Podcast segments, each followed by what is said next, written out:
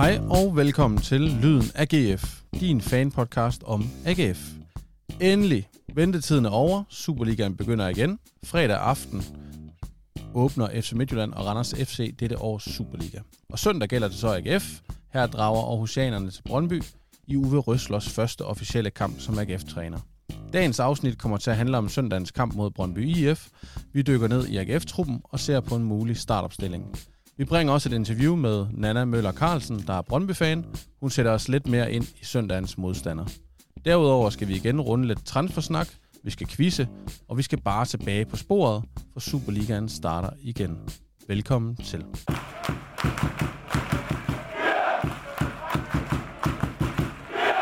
Ahmed Omar, velkommen i studiet.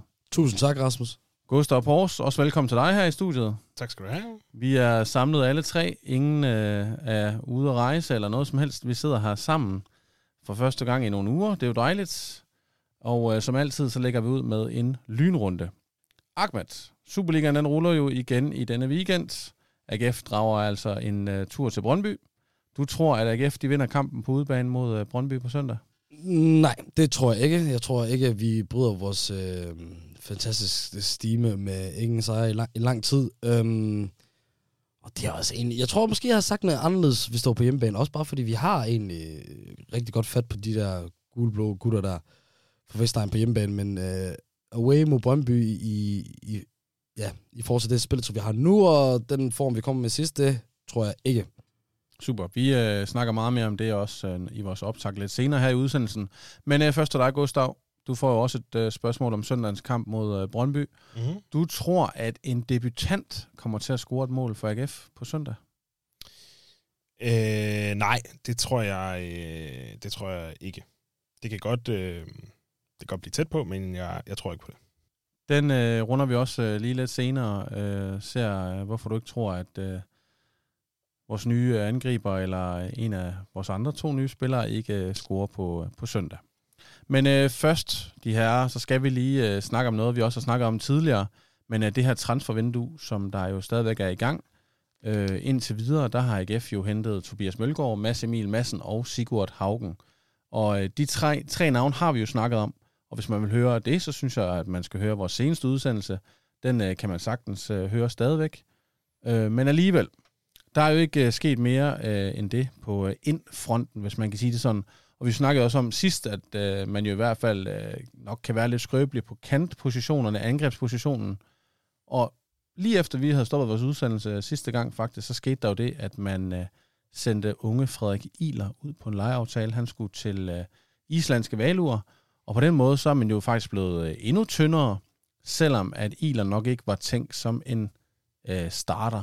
Men øh, bare sådan allerførst, hvad tænker I egentlig om, at man lige udlejer Frederik Iler i en periode, hvor vi jo egentlig sidder og snakker om, at man i forvejen er lidt tyndt besat på sådan en position? Gustav? Altså, hvis, hvis man sådan rent numerisk tæller, tæller sådan klassiske angriber, altså så, så hvis vi skal spille med to øh, mand, så vil det selvfølgelig være bedre at have øh, fire, end det ville tre. Der er tre måske lige til den, lige, til den smalle side. Ikke? Øhm, men, men omvendt, så synes jeg egentlig, det kan give rigtig god mening øhm, i forhold til, hvis lige skal blive ved dem, der ligesom skal spille, jamen så når man spiller med to angriber, så er der ligesom sådan fra trænerens side øhm, en eller anden frihed til os at prøve noget forskelligt i, i de forskellige kampe. Øhm, altså lad os lige sige, at at Patrick Mortensen måske i starten, og så jo længere hen vi kommer, så spiller Sigurd Haugen ligesom som, som den sikre første mand, der ligesom skal lave de primære mål, og så kan man ligesom finde ud af, hvem skal støtte ham. Skal det være Kuminovski, der kan, kan løbe lidt hurtigt øh, ned i banen, dybt eller sådan noget. Øh, men samtidig kan man jo altså også sagtens bringe Andersson derop i sådan en lidt mere fri rolle, der måske søger meget ned, eller man kunne bringe øh, Dagim derop, eller hvad det nu måtte være. Øhm, altså så bare fordi man, man spiller angriber, så skal man jo ikke være sådan fuldblods angriber, som, som Mortensen og, og Haugen lidt er, øh, så kan man sagtens spille med alle mulige andre. Og hvis det ligesom er den devise, man går ud fra, så, så kan der godt være rigtig lang til spillestid for, for Frederik Iler, og at man så siger på nuværende tidspunkt, vi tror ikke, du får mere end, øh, en to-tre indhop øh, i den her sæson. Du må gerne blive her, men øh, hvis du vil spille mere end det, så, øh, så har vi et lejeophold til dig heroppe på, på Island. Og det har han så øh, takket ja til, fordi han gerne vil spille et lejeophold betyder altså også, at man kommer hjem igen på et tidspunkt, øh, måske med, med, med lidt mål i støvlerne. så, så for mig ser det i virkeligheden en rigtig fin beslutning langt hen ad vejen. Og lidt senere i det her afsnit skal I, I to også prøve at sætte en startopstilling frem mod øh, kampen på søndag. Noget af det, der i hvert fald øh, godt kunne tyde på, det er jo, at Uwe Røsler vælger at spille med de her to angriber, som du også nævner, Gustav. Og hvis man sådan lige går ind på, øh, på øh, AGF's øh, trup og kigger ned over holdet til de her to angrebspositioner, så ved jeg godt, Gustav, du lige har været ude i, at man måske også kan bringe andre typer, men der står der altså Patrick Mortensen, Sigurd Haugen og David Komenowski. Ahmed, det er vel for tyndt? Ja, altså, det er indiskutabelt, at det er for tyndt, og det, øh, altså, det skal der selvfølgelig gøres noget ved. Jeg havde ringet med alarmklokkerne, hvis at vi havde ikke havde hentet Sigurd Haugen for, for Norge, så på, så altså, på, på det punkt ser det jo egentlig fint nok ud, og jeg mener jo ikke, jeg føler jo ikke, at man skal gøre den der, altså, typiske træner-ting, at man bare holder fast i sin filosofi, selvom man ikke har spillermateriale til det. Så hvis, igen, altså, der kan, der kan jo ske sådan noget i preseason, der, der kan være noget ekstra motivation hos spillere, der kan ske noget til de træninger, der gør, at han tænker, ved du hvad, enten en Patrick Mortensen eller en Kuminorski øh, viser mig noget, eller jeg har nogle andre øjne på de her spillere, eller kan noget med andre med hvor jeg tænker, okay, det kan, det kan vi godt gøre noget godt med, eller han tænker måske, som jeg tit gør, en Kuminorski virker som en, der man skal aktivere gerne over flere kampe og med tillid og så videre, at ved du hvad, jeg vil gerne give ham en chance sammen med Haugen, eller noget andet, jamen, så kan jeg godt se det. Men hvis han kommer til en konklusion af, at der ikke er nogen gode alternativ til øh, Haugen, så synes jeg ikke, han skal køre sig øh, blind på, på at spille med to angriber. Sidste gang var vi også sådan ret enige om, at det nok var de her to kantpositioner, og så angrebspositionen, man var mest tynd på, øh, som vi også snakker om nu. Og mm. sidste gang bekræftede vi måske også hinanden i, at at, øh, at kantpositionen er blevet lidt anderledes nu, efter der er kommet nye træner, fordi at han jo også umiddelbart øh, nok vil starte på søndag med, med to wingbacks. Men hvis man sådan kigger lidt rundt øh, på diverse øh, internetfora øh, og hjemmesider osv., der skriver om rygter og alt sådan noget, øh, er der så nogle rygter, I sådan ser i mediebilledet for tiden, øh, hvor I tænker, her skal Stig Inge Bjørneby altså gå ud og handle? Er der noget, som I synes, der sådan øh, ligger lige til Stig Inge Bjørnebys øh, hav- vest venstrebenet. Øh, Hvad siger du? at øh, Atalanta, de vil gerne vil af med Joachim Male. Ja. Ham kunne vi da godt bruge. Ja. Den lå nok... Øh, det er nok, ikke, det er nok ikke straffespark. Jeg synes, det har været vanvittigt stille i forhold til rygter med AGF. Jeg synes altid, at vi bliver overdynget med alle mulige spillere, der enten skal ind eller ud af klubben, men jeg synes vi ikke, der har, der har været så meget at komme med. Øh, der er jo nogle oplagte sp- spekulationer, man kan gøre med nogle spillere, der har, er nogle situationer nu, eller er, mangler en klub og så videre, men jeg, øh, altså, jeg ved ikke med jer, men jeg føler, at det er... Udover de spillere, vi har hentet, så synes jeg ikke, at der blev hørt noget andet. Så var der noget med Berggren, øh, som ikke blev til noget inden, men ellers... Ja, han altså, forlængede jo i Sønderjysk. Præcis. Så, så har der været lidt frem om, uh, ham snakker vi også lidt om sidste gang, der var lidt frem om, om Tobias Bæk fra Viborg, og en lille smule også med Christian Sørensen, der er venstreback fra Viborg også. Men hvis jeg nu bare lige sådan skulle prøve at kaste nogle navne ind, nu sidder jeg også og læser, hvad andre klubber, de måske jagter. Vi ved jo ikke, om rygterne de er sande, men hvis man kigger på, at AGF for eksempel mangler en, en uh, boksspiller, Patrick Mortensen har vi jo snakket om, måske skal videre, eller han er lidt over det hele, ved jeg, du synes, uh, Ahmed. Så uh, kunne jeg jo se første divisionsklubben HB Køge jagter Simon Makinok, mm. der spiller nede i tysk anbundesliga. Kunne det være en spiller, hvor man tænkte, hvorfor skal han hjem til dansk første division? Skulle han ikke i stedet forbi AGF? Hvad siger du, Gustav? Altså, jeg, jeg, jeg synes jo faktisk, det var et rigtig, rigtig varmt navn. Øhm, også fordi, at jeg føler lidt, det er sådan en, der har været snakket om nogle, af, af nogle omgange. Altså det, hans uh, Tysklandsophold har været sådan lidt en, en, en mærkelig størrelse, og, og der har også været snak om, at, øh, at han så har, har, har købt lejlighed i København, og hvornår skulle han så hjem, og sådan, sådan lidt forskellige ting. Øhm, og jeg, har, jeg var egentlig rigtig, rigtig varm på ham i, i vinter, fordi jeg synes, det kunne være en, en rigtig, rigtig fed mulighed. Nu har man så hentet Sigurd Haugen, som jeg lidt føler er, er en, en bedre udgave af Simon McKinnock, altså som jeg lige sådan ser det nu, har vi ikke set Haugen spille endnu, men, men, men så tror jeg lidt, det er samme, samme type. Øhm, og når vi nu har hentet, hentet øh, Sigurd Haugen, som også er, er, er en del år yngre, så synes jeg ikke, at det er en mand, man skal gå efter til, til, til nu her. Øhm, upåagtet, at jeg synes, det kunne være et rigtig, rigtig... Øh, jeg synes, han er en, en karismatisk spiller, en fed spiller, øh, som jeg egentlig tror ville kunne gøre det rigtig godt øh, i AGF. Det skulle måske nærmere være sådan i ja, den gamle Patrick Mortensen-rolle. Jeg tror også, det var derfor, jeg var lidt varm på ham, at, øh, sådan en, en gammel klassisk uh, Patrick Mortensen-rolle under David Nielsen, der, der, der synes jeg, han kunne være interessant. Men, men ikke, uh, ikke, ikke nu, tror jeg. Hvis man sådan ser lidt på det her transfervindue, øh, så har de jo hentet Tobias Mølgaard, og på et tidspunkt, hvis jeg husker rigtig, Gustav, så kaldte du ham lidt en Superliga-metervare. Ja. Og uden at sådan at være for hård ved Mølgaard, så er det jo ikke måske, altså, han er ikke en stjernespiller. Mm. Øh, så har vi jo hentet øh, Haugen, som ingen er sådan kendt på forhånd. Så var der Mads Emil, Mads Emil Madsen, som måske var lidt mere wow. Men noget af det, jeg nogle gange sådan kan høre både fra venner og andre fans på tribunen og på de forskellige hjemmesider, er jo det her med, at man godt vil have noget wow. Det der, det var sgu uh, wow. Jeg tror måske i foråret, AGF lavede wow over alle wow ved at hente Jack Wilshere. ja. Men hvis man sådan, har I det også sådan, at hvis man ser på det, altså, øh, hvis der skal hentes noget nyt, nu Simon McKinnock er jo nok ikke så wow, som han var engang, men mm. Øh, hvis der skal hentes noget, skal det så være sådan noget, hvor man tænker, wow, eller må det godt være en Viborg-spiller, eller må det godt være en, endnu en Superliga-metervare? Hvad, hvad, hvad tænker I sådan om det, Ahmed? Altså, hvis man bare kigger over de sidste øh, 10 år i forhold til de transfers, AGF har lavet, så er det jo sjældent været de spillere, der er blevet hentet til, der har været wow, der har været nogle... Øh, I sin tid en Versace, vi hentede fra den Gjords klub, der, der fuldstændig, fuldstændig smadrede sådan en kvalifikationskamp, hvor vi så tænkte hvor han ser rigtig spændende ud.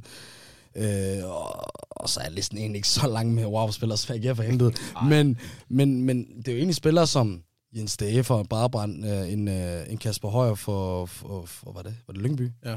Mm. Bænken i Lyngby faktisk, tror jeg. Bænken i Lyngby, Mustafa Bundu for 6. bedste række i England, øh, og så videre. Så altså, historikken viser jo, at det er jo sjældent, øh, de spillere, der vi forventer en hel masse fra, der gør det, men egentlig øh, en masse spillere, som vi ikke spår særlig meget, og det er jo, og det er jo alle, alle sammen spillere, jeg lige nævnte nu, som, hvor man ikke har forventet særlig meget. Øh, og, og, og sådan kan det være, og når jeg, når jeg ser det som det, så jo, det er jo fordi, det er transfervindue, og alles øjne er på det eller andet, og de der fede transfer, som de andre spiller, øh, klubber øh, eller fans klubber får, det må man også gerne kunne håbe hurra for, videre. Men, nogle gange skal man også være FCK, hvor man kunne hente mange af de der falderede danske stjerner tilbage, som man kender og sådan noget. Men, men, men jeg har sgu, jeg har sgu bedre tiltro til, men, men, men finder noget, der passer, i stedet for det her blockbuster noget. For nogle gange synes jeg også bare, at nogle spillere bliver hentet til for fans' skyld, eller for at få noget goodwill for fans, og sådan noget, selvom det ikke rigtig passer.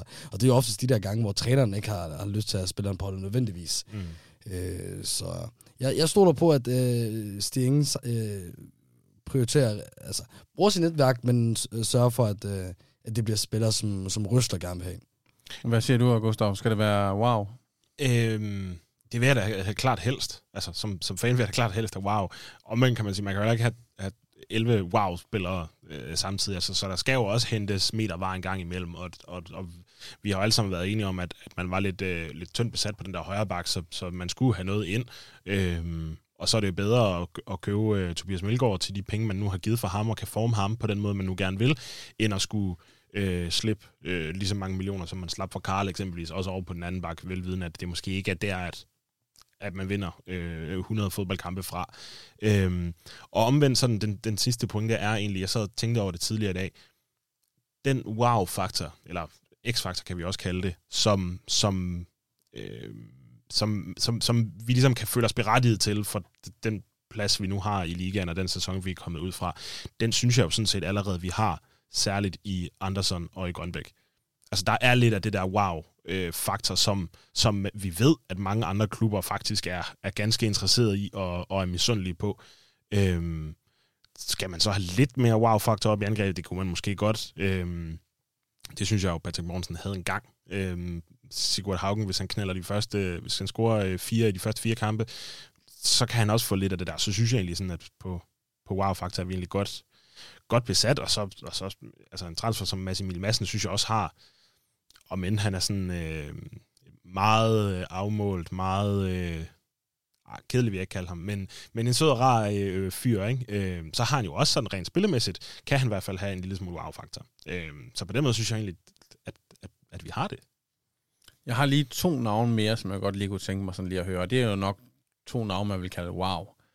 Øh, der er en, der er meget væltende de her dage. Pione Sisto. Ja, mm, nej. du var hurtig, Gustav. Prøv at uddybe. Øhm, Pione Sisto... Øh, jeg, jeg, jeg, jeg, jeg tror ikke på det, og jeg har ikke troet på Pione Sisto øh, i mange år. Altså, jeg, jeg, jeg kan ikke se, at, øh, at han har, øh, har, har spillet god fodbold øh, øh, de sidste mange, mange år. Øh, og, og, og, og samtidig med de historier, der er om ham, øh, og, og hans agent, og sådan, altså det, det er på, øh, på ingen måde noget, jeg vil røre med, med en ildtang. Selvom han jo, øh, ja, ja, frisk pus og en flink fyr og sådan noget, men, men, men sådan, som klub, så vil jeg aldrig nogensinde røre det. Ja. Ahmed, kunne du se uh, Pio Sisto uh, gøre sig, uh, spille sig til VM i AGF? der er jeg jo egentlig enig med, med, med Gustav, men, men at det kan man så sige, at jeg har jo egentlig, egentlig altid haft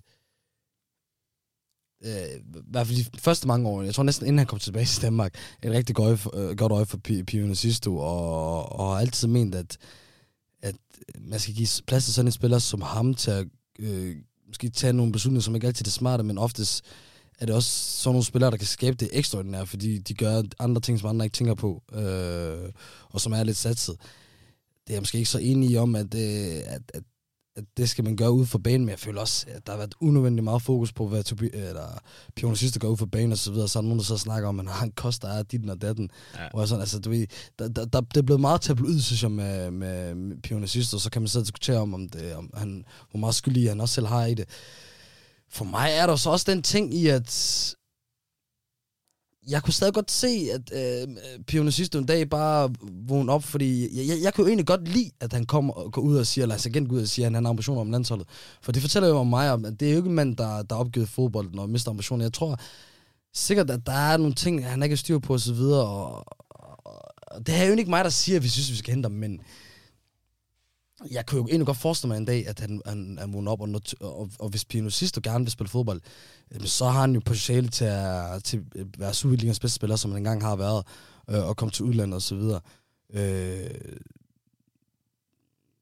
og så kan man sige, så har han en, en, en god ven i Michael Andersen her, og Aarhus, der passer godt. Der, der, der, der, kunne, der, der kunne være, der kunne ske nogle ting, øh, og, og, i, og i forhold til hvad der sker med FC Midtjylland. Det virker du, som du, nogen... du taler dig ind på... Jamen, ja, det gør jeg måske. Ahmed er mere lun, end du var, Gustav. ja, ja. Jeg tror, jeg startede... Jeg tror, ja, jeg tror, jeg var meget splittet. Jeg er meget splittet. Øh, så ligesom... Der, jeg føler, der er lige så mange grunde for mig til ikke at gøre det, til, for at gøre det. Men så igen, det er, jo, det er jo heller ikke, fordi vi forventer en hel masse. Altså, jeg, jeg, jeg savner nemlig den her, ikke wow nødvendigvis, men bare x-faktor. En spiller kan gøre det ekstra på egen hånd. Og, og, og han kan mere end det. Øh, og jeg tror, jeg, han minder mig om, at, om dengang Mustafa Bundu også var på top og kunne det hele. Det, det er det, jeg savnede. Det var det, jeg håbede, jeg kunne få en Bundu. Mm. Øh, så det, jeg egentlig siger, at jo, det kunne godt være, at jeg godt kunne tænke mig det, men jeg er ikke sikker på, at jeg vil glad for det, hvis klubben faktisk gør det. Så jeg er faktisk meget splittet. Ja, så jeg kan ikke... Øh, jeg, jeg vil ikke komme med en svar. Så er spørgsmålet om uh, Uwe Røsler og uh, Bjørn Sisto er et godt match. Det, det jeg tror jeg ikke, det er. synes ja. faktisk også, det er lidt spændende. Nu kommer det så til at tage så lang tid, så vi ikke snakke for lang tid om det, men lad os nu sige, at træneren var David Nielsen. Har der så været, tænker I, mere mening i at hente Pionicisto, end når træneren hedder Uwe Røsler? Ja, der, der tænker jeg, det giver mere, mere mening. Jeg, jeg, jeg, jeg kan godt se, hvad Gustav mener med Røsler og. Det, det, det, det giver måske ikke så meget mening, men jeg tror helt klart, at David Nielsen kunne, kunne tale til ham på en måde, så ja, det kunne aktivere noget i ham. Men ja. det er egentlig det, jeg mener. Jeg føler, at der er et eller andet, han har brug for at øh, få noget vendt, eller et eller andet. Altså, det er helt klart. Så kan, så kan man måske godt bedre forstå det, snakke om det. Er, det virker som, det er helt klart, det er en sådan psykisk ting. Øh, og, og slet ikke noget med hans øh, øh abilities, fordi der, han viser momenter sidste år, også mål, at han har noget ekstra klasse, som ingen andre i ligaen har. Øh, og så må, altså, så må, øh, altså det kan ikke, jeg føler ikke, det bare kan være fuldstændig blind tro, at han sidder og snakker om landsholdet. For der er han så langt fra nu jo. Men hey, da han lige spillede godt i en kort periode, så var han øh, spillet en landskamp i november. Og det er jo det, det, det, det, jeg mener. Altså, han er jo ikke langt fra det. Vi skal jo sige her, at det er jo bare ren og skær spekulationer. Jeg synes ja. bare lige, at det var et sjovt navn at tage med, fordi at, nu kan man også diskutere, om det så er positivt at være noget wow, men jeg tænker i hvert fald, det vil være lidt wow, hvis AGF præsenterede uh, sidste år. Lige den sidste, vi kort skal vende, synes jeg, det er en angriber også. En, som jo er i uh, en helt anden aldersgruppe end både Simon McKinnon og Patrick Mortensen, men som jeg i hvert fald synes kunne være utrolig spændende om man kunne prøve at hente hjem. Men uh, Vahid Fakir, som jo uh, er en ung gut fra Vejle, som... Uh, kom til Stuttgart sidste sommer, og har ikke spillet ret meget, har også stået lidt med skader. Kunne han være en mulighed måske at lege med en købsoption eller noget lignende, eller er det, er det helt urealistisk? Kunne I se sådan en, øh, en gut som ham i, i AGF? Lad os bare starte med dig, øh, Ahmed. Altså, jeg var den forståelse af, at han egentlig havde gjort det fint nok, og det mest af alt er skaderne, der holder ham ude, og at han stadig er en, en aktiv for Stuttgart. Men jo, han er jo sikkert efter den skade kommer tilbage, ikke øh, har en vild bærende rolle på, på Stuttgarts hold, så derfor kan man godt overveje at lege ham. Altså, der tager du lidt øh, på grund af, det, det har jeg slet ikke hørt eller tænkt over. Øh, men, Det er heller ikke et rygte, det er udelukkende Ja, ja, en, en spændende spiller, synes Ja. jeg. Og måske urealistisk. Og det, det er også det, en af de styrker, du er god til at komme med nogle sådan gode navne der, men øh, altså, jo, ved du hvad, selvfølgelig, selvfølgelig er man det. Altså, hans øh, kompetencer og kvaliteter op foran, altså, hvem vil sige nej til det? Jeg tror bare, øh, jeg har ikke set det som en mulighed, og tænkte måske i starten, det lød lidt urealistisk, men jeg kan godt se, at en lejeaftale sagt, måske godt kunne komme på tale. Men øh, så er det bare sådan, okay, vi har en halv eller enkelt sæson. Og, og her har vi jo en spiller, jeg har 0% tiltro til, at vi beholder ham, hvis han begynder at spille godt. Og han er jo egentlig en spiller, som, jeg har, en, øh, som har en kæmpe stor stjerne hos mig. Øh, og, og nærmest vil komme ind og være en direkte favorit for mig, hvis han gør det. Så det er måske også det emotionelle tab ved, at han kommer så skridt igen, der, der, der næsten vil, vil gøre for Også fordi vi er jo en gang med en periode, hvor vi helst skal tilbage til, hvor vi var engang, og så ved jeg ikke, om det er så godt der at hente nogle, nogle legespillere ind, som måske ikke er med, med i mere end et år, men, men jeg gerne vil have spillere, vi har ind, der kan være i flere år. Derfor også jeg var glad for, at Sigurd Haugen kom ind som 24-årig, som køb selvfølgelig, som er forskellen her. Øhm, sammen med Bisek, at vi kunne signe en kontakt med ham og sådan noget der. Øh, og, og måske også samme, samme grund til, og det kommer vi måske til at snakke om senere, hvorfor jeg ikke øh, har så stor en fordus til Patrick Morsen længere spillemæssigt. Også bare fordi det skal gerne være noget, der, der strækker mere end i bare i år. Øh, så nej, nej, ved du hvad, det, den er jeg ikke så keen på, fordi at, at det, er en leje, det skulle være en lejeaftale. lejeaftale. Gustav, meget kort. Nu har du muligheden. Lad jeg mig rive med, når jeg siger Bahil Fakir. Øh, ja, ja, det gør jeg spillemæssigt, men jeg tror jeg, øh, på ingen måde, vi nogensinde kommer i nærheden af at kunne hente ham, sådan øh, øh, rent økonomisk. Og en lejeaftale, der tror jeg måske lidt, man, man tænker på Kevin Dix og tænker, okay, det, vi, vi brugte rigtig mange på, penge på at give ham en høj løn, og han var teknisk set også god, men, men vi får ikke noget output af ham øh, efterfølgende. Og jeg tror måske lidt, jeg synes, det er samme case med, med Fagir. Hvorfor skal vi give, give en rigtig, rigtig høj løn til ham, som han givetvis øh, får ned i Tyskland, for at han så kan være øh, nogenlunde i en, i en sæson, for så ikke at lukrere på ham. Øh, så vil jeg hellere købe øh, Sigurd Haugen, som man trods alt kan skyde af, hvis han laver 15 mål på en sæson. Ikke? Men nu er det jo altså alvor på, øh, på søndag. AGF har spillet øh, tre træningskampe her i løbet af sommeren, og, og øh, mange danskere har fulgt med i noget Tour de France og alt sådan noget, men nu gælder det jo altså, at Superligaen er kommet snigende. Hvis vi så ser lidt ned på, øh, på holdet, som det er lige nu, øh, vi er jo stadig midt i transfervinduet, og vi nævnte også kort sidste gang, at vi skal helst ikke ud i, at man først begynder at hente spillere, når vi nærmer os den 31. august. Men hvis I ser ned på holdet lige nu, er AGF så overhovedet øh, klar? Er man konkurrencedygtig?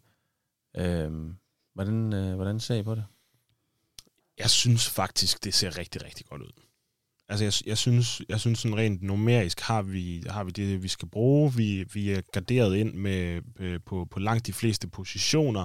Øhm, så er der sådan nogle, nogle små ting. Øhm, jeg kan godt frygte lidt for venstre bakken, eller, eller den der wingback, hvis, hvis Karl sådan får sådan lidt en mellemsæson, han havde igen, så står vi kun med Gift Links, eller, eller Oliver Lund, eller et eller andet derovre. Mm, er det lidt tyndt? Det kunne det måske godt være. Øhm, på målmandsposten, øh, hvis, hvis Jesper Hansen ikke, øh, ikke formår at holde niveau eller, eller, eller bliver skadet, øh, øh kan Gadegaard så gå ind og, og, og stå øh, resten af en hel sæson, er også et lille spørgsmålstegn. Øhm, angriberposition har vi vendt. Men alt i alt, så er det, så er det meget, altså, det er, det er notitser øh, for mig, fordi jeg synes, at, at vi har et hold, der er klar til at gå ind i en, i en halv sæson nu. Og så kan man jo altid vente og se øh, frem mod, øh, mod øh, de sidste dage i transfervinduet. Kan der opstå et eller andet, øh, som, som kunne være sjovt at hente? Måske ja, med, lidt, med lidt wow. Så kan man gøre det. Men, men som vi står nu her øh, foran Brøndby, så synes jeg faktisk, at vi står med en, med en, med en rigtig fin trup, sådan øh, bredt set. Og hvis jeg lige spørger dig, Ahmed, lidt anderledes. Hvis du nu starter med at fortælle os dine forventninger til den her sæson, øh, hvad skal AGF opnå? Kan du så svare på, om truppen er til det, du forventer, AGF skal klare sig igennem den her sæson med? Altså, det er det jo på nogle dele af banen. Det synes jeg måske, de er på... Øh, altså, det, det, øh, nede i forsvaret i, i midtbanen, øh, i hvert fald det, den midterste del af midtbanen, fordi udover det, synes jeg jo egentlig ikke på nogen slags måde, at vi, vi er særlig godt, øh, eller godt nok besat.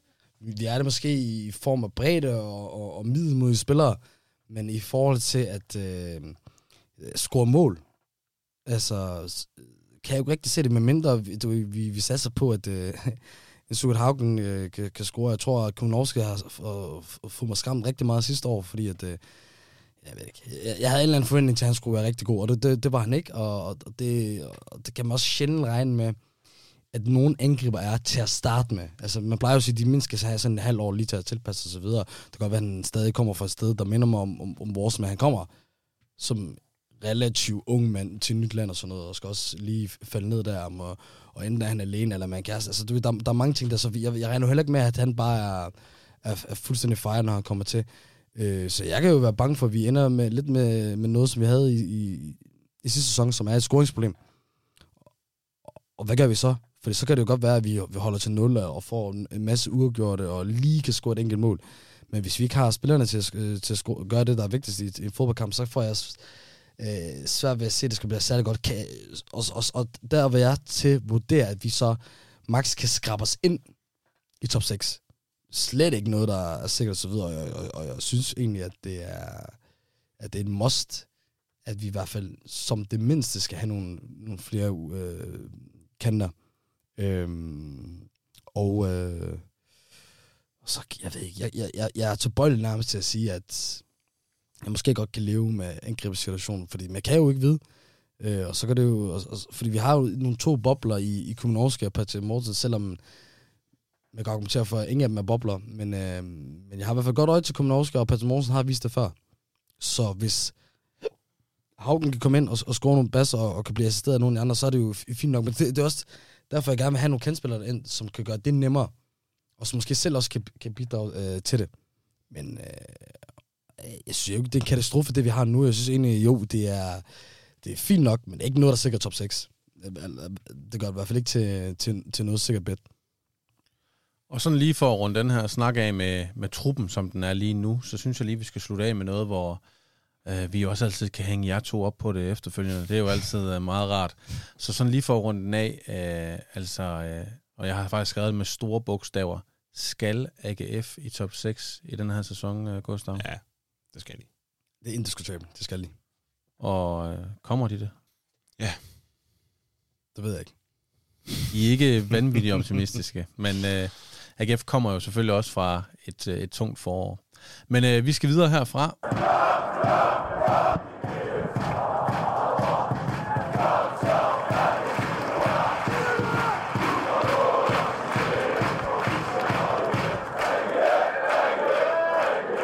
Og øh, vi har jo haft en øh, konkurrence kørende, hvor man har kunne vinde øh, det, der hedder et guld plus hold til øh, Superliga Manager på øh, holdet.dk.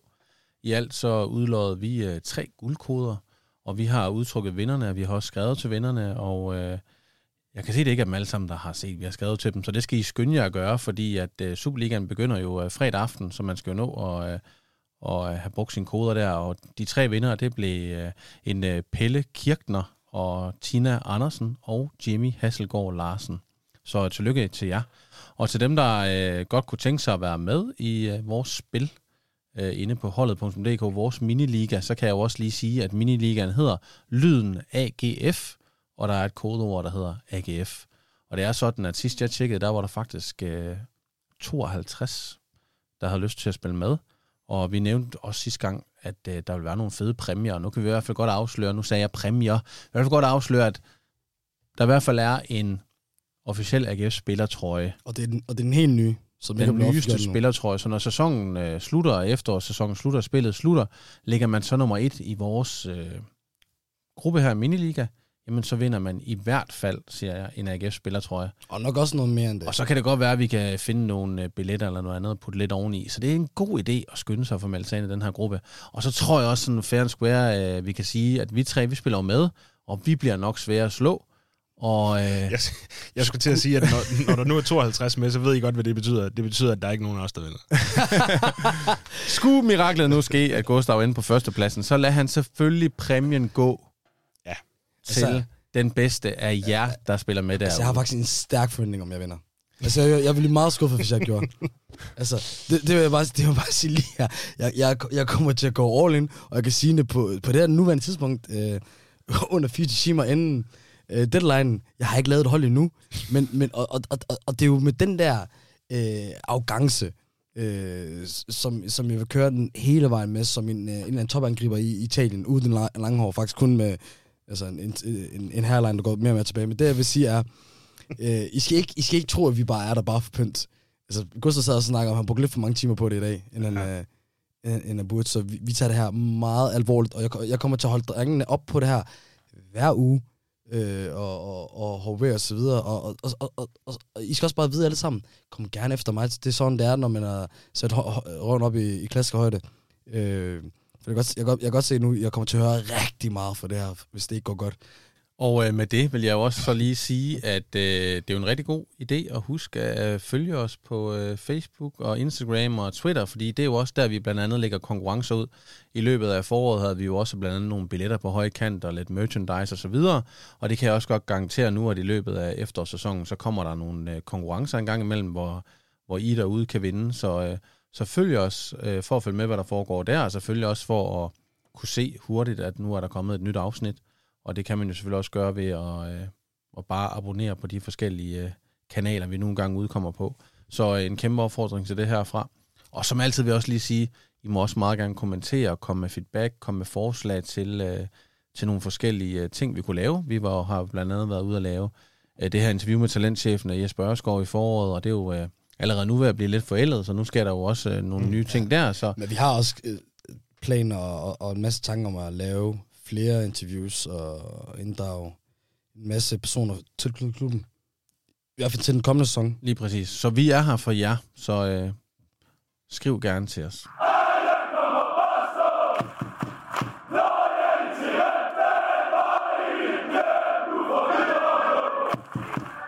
Og ellers så skal vi nu til øh, sæsonens første optakt. Det er jo altså efterårets første kamp i Superligaen, der gælder for AGF på søndag den 17. juli kl. 18.00, når man gæster Brøndby Stadion for at møde Brøndby IF. Ventetiden er altså over, og øh, vi har jo glædet os ekstremt meget til det her. Det er jo øh, bare helt vildt dejligt, at Superligaen er tilbage. Så er vi også enormt spændte på, at det jo er Uwe Røslers første officielle kamp som træner. Øh, så drengen, bare sådan, når I lige tænker nu, Brøndby og AGF Superligaen starter igen på søndag. Jeres allerførste tanker. Hvordan øh, har I det?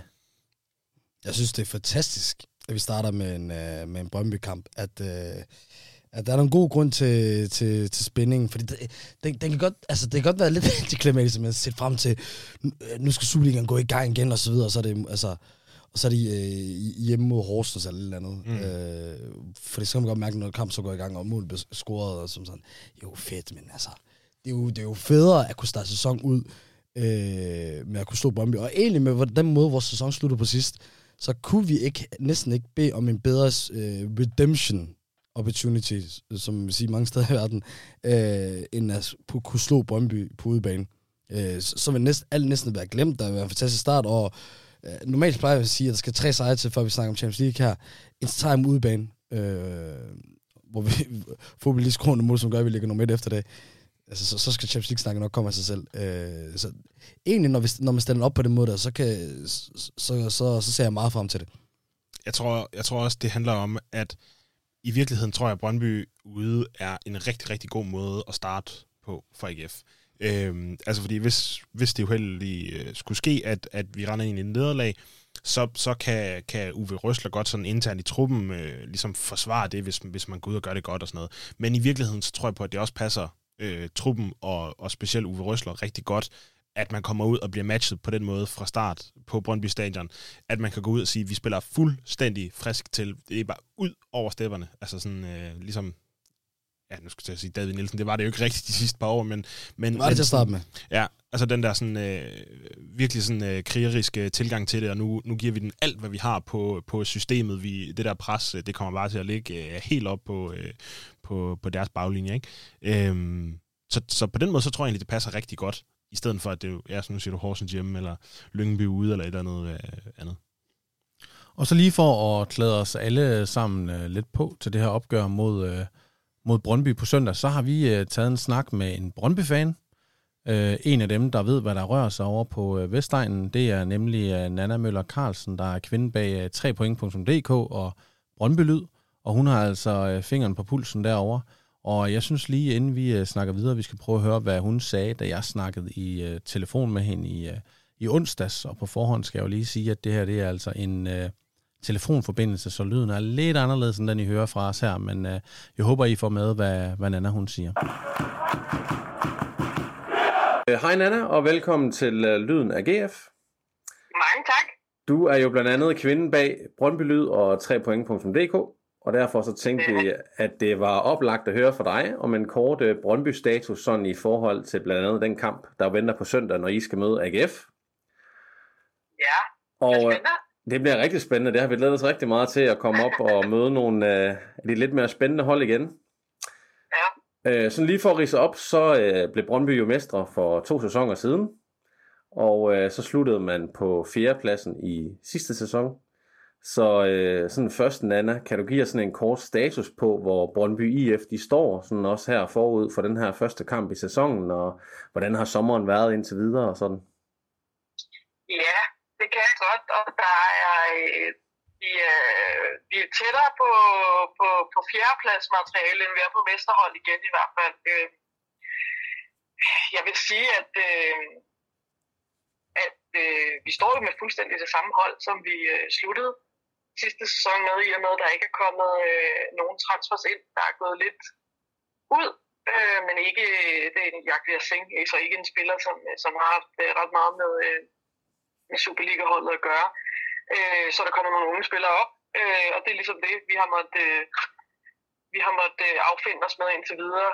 Øh, så, øh, så det er et Brøndby-hold, som, øh, som, som står et sted, hvor man kan sige, at øh, lige nu synes jeg personligt, der skal et par forstærkninger til, for at vi sådan kan komme op og, øh, og bide skære om medaljerne. Øh, men det er jo altid svært at stå her inden en sæson og, øh, og vurdere på det, men det har godt nok været en rolig sommer, sådan set på den front. Øh, der har så været nogle ejerskabs- eller salgsrygter i forhold til ejerskab, som vi har, vi har brugt noget tid på at diskutere, i stedet for at diskutere mulige transfers. Men sådan, hvis vi ser på det rent sportslige, øh, så er det et Brøndby-hold, som, øh, som trænger til et par, øh, et par profiler udefra til at, øh, at hive kvaliteten og niveauet op. Øh, så er der jo selvfølgelig et par spillere på det nuværende hold, som, som, som muligvis kan løfte sig. Øh, men øh, et Brøndby-hold, hvor der skal øh, der er plads til forbedring, som jeg ser det. Når jeg sådan kigger rundt på sociale medier og debatsider og sådan noget på internettet, så kan jeg jo godt nogle gange tænke, at Brøndby-fans kan godt minde lidt om AGF-fans, som nogle gange med at være lidt kritiske over for, for ens eget hold, og der er store forventninger. Men nu nævner du selv også, Nana, at der i hvert fald måske nok er top 4 potentiale. Men er det altså sådan top 6, er det, er det målsætningen? For jeg synes også, jeg kan se nogen, der sådan måske råber lidt mere vagt i gevær, end du gør, og faktisk er lidt nærmest bekymret for, for den her situation, jeg er i, med der ikke rigtig er sket noget hen over sommeren. Ja, ja, altså, og det er jo... Øh, ja, jeg tror i første omgang, knalde med den her struktur, handler det jo altid om at spille sig i top 6. Øh, øh, og og det, det skal det her Brøndby-hold jo også gøre. Så det skal lige siges, at vi har stået før efter mange preseasons, øh, også i en sæson, hvor vi endte med at blive mestre og været bekymrede, øh, også bare for at komme i top 6. Øh, så, så alt kan jo ændre sig relativt hurtigt. Øh, når først man kommer i gang, og hvis det hele begynder at, at svinge.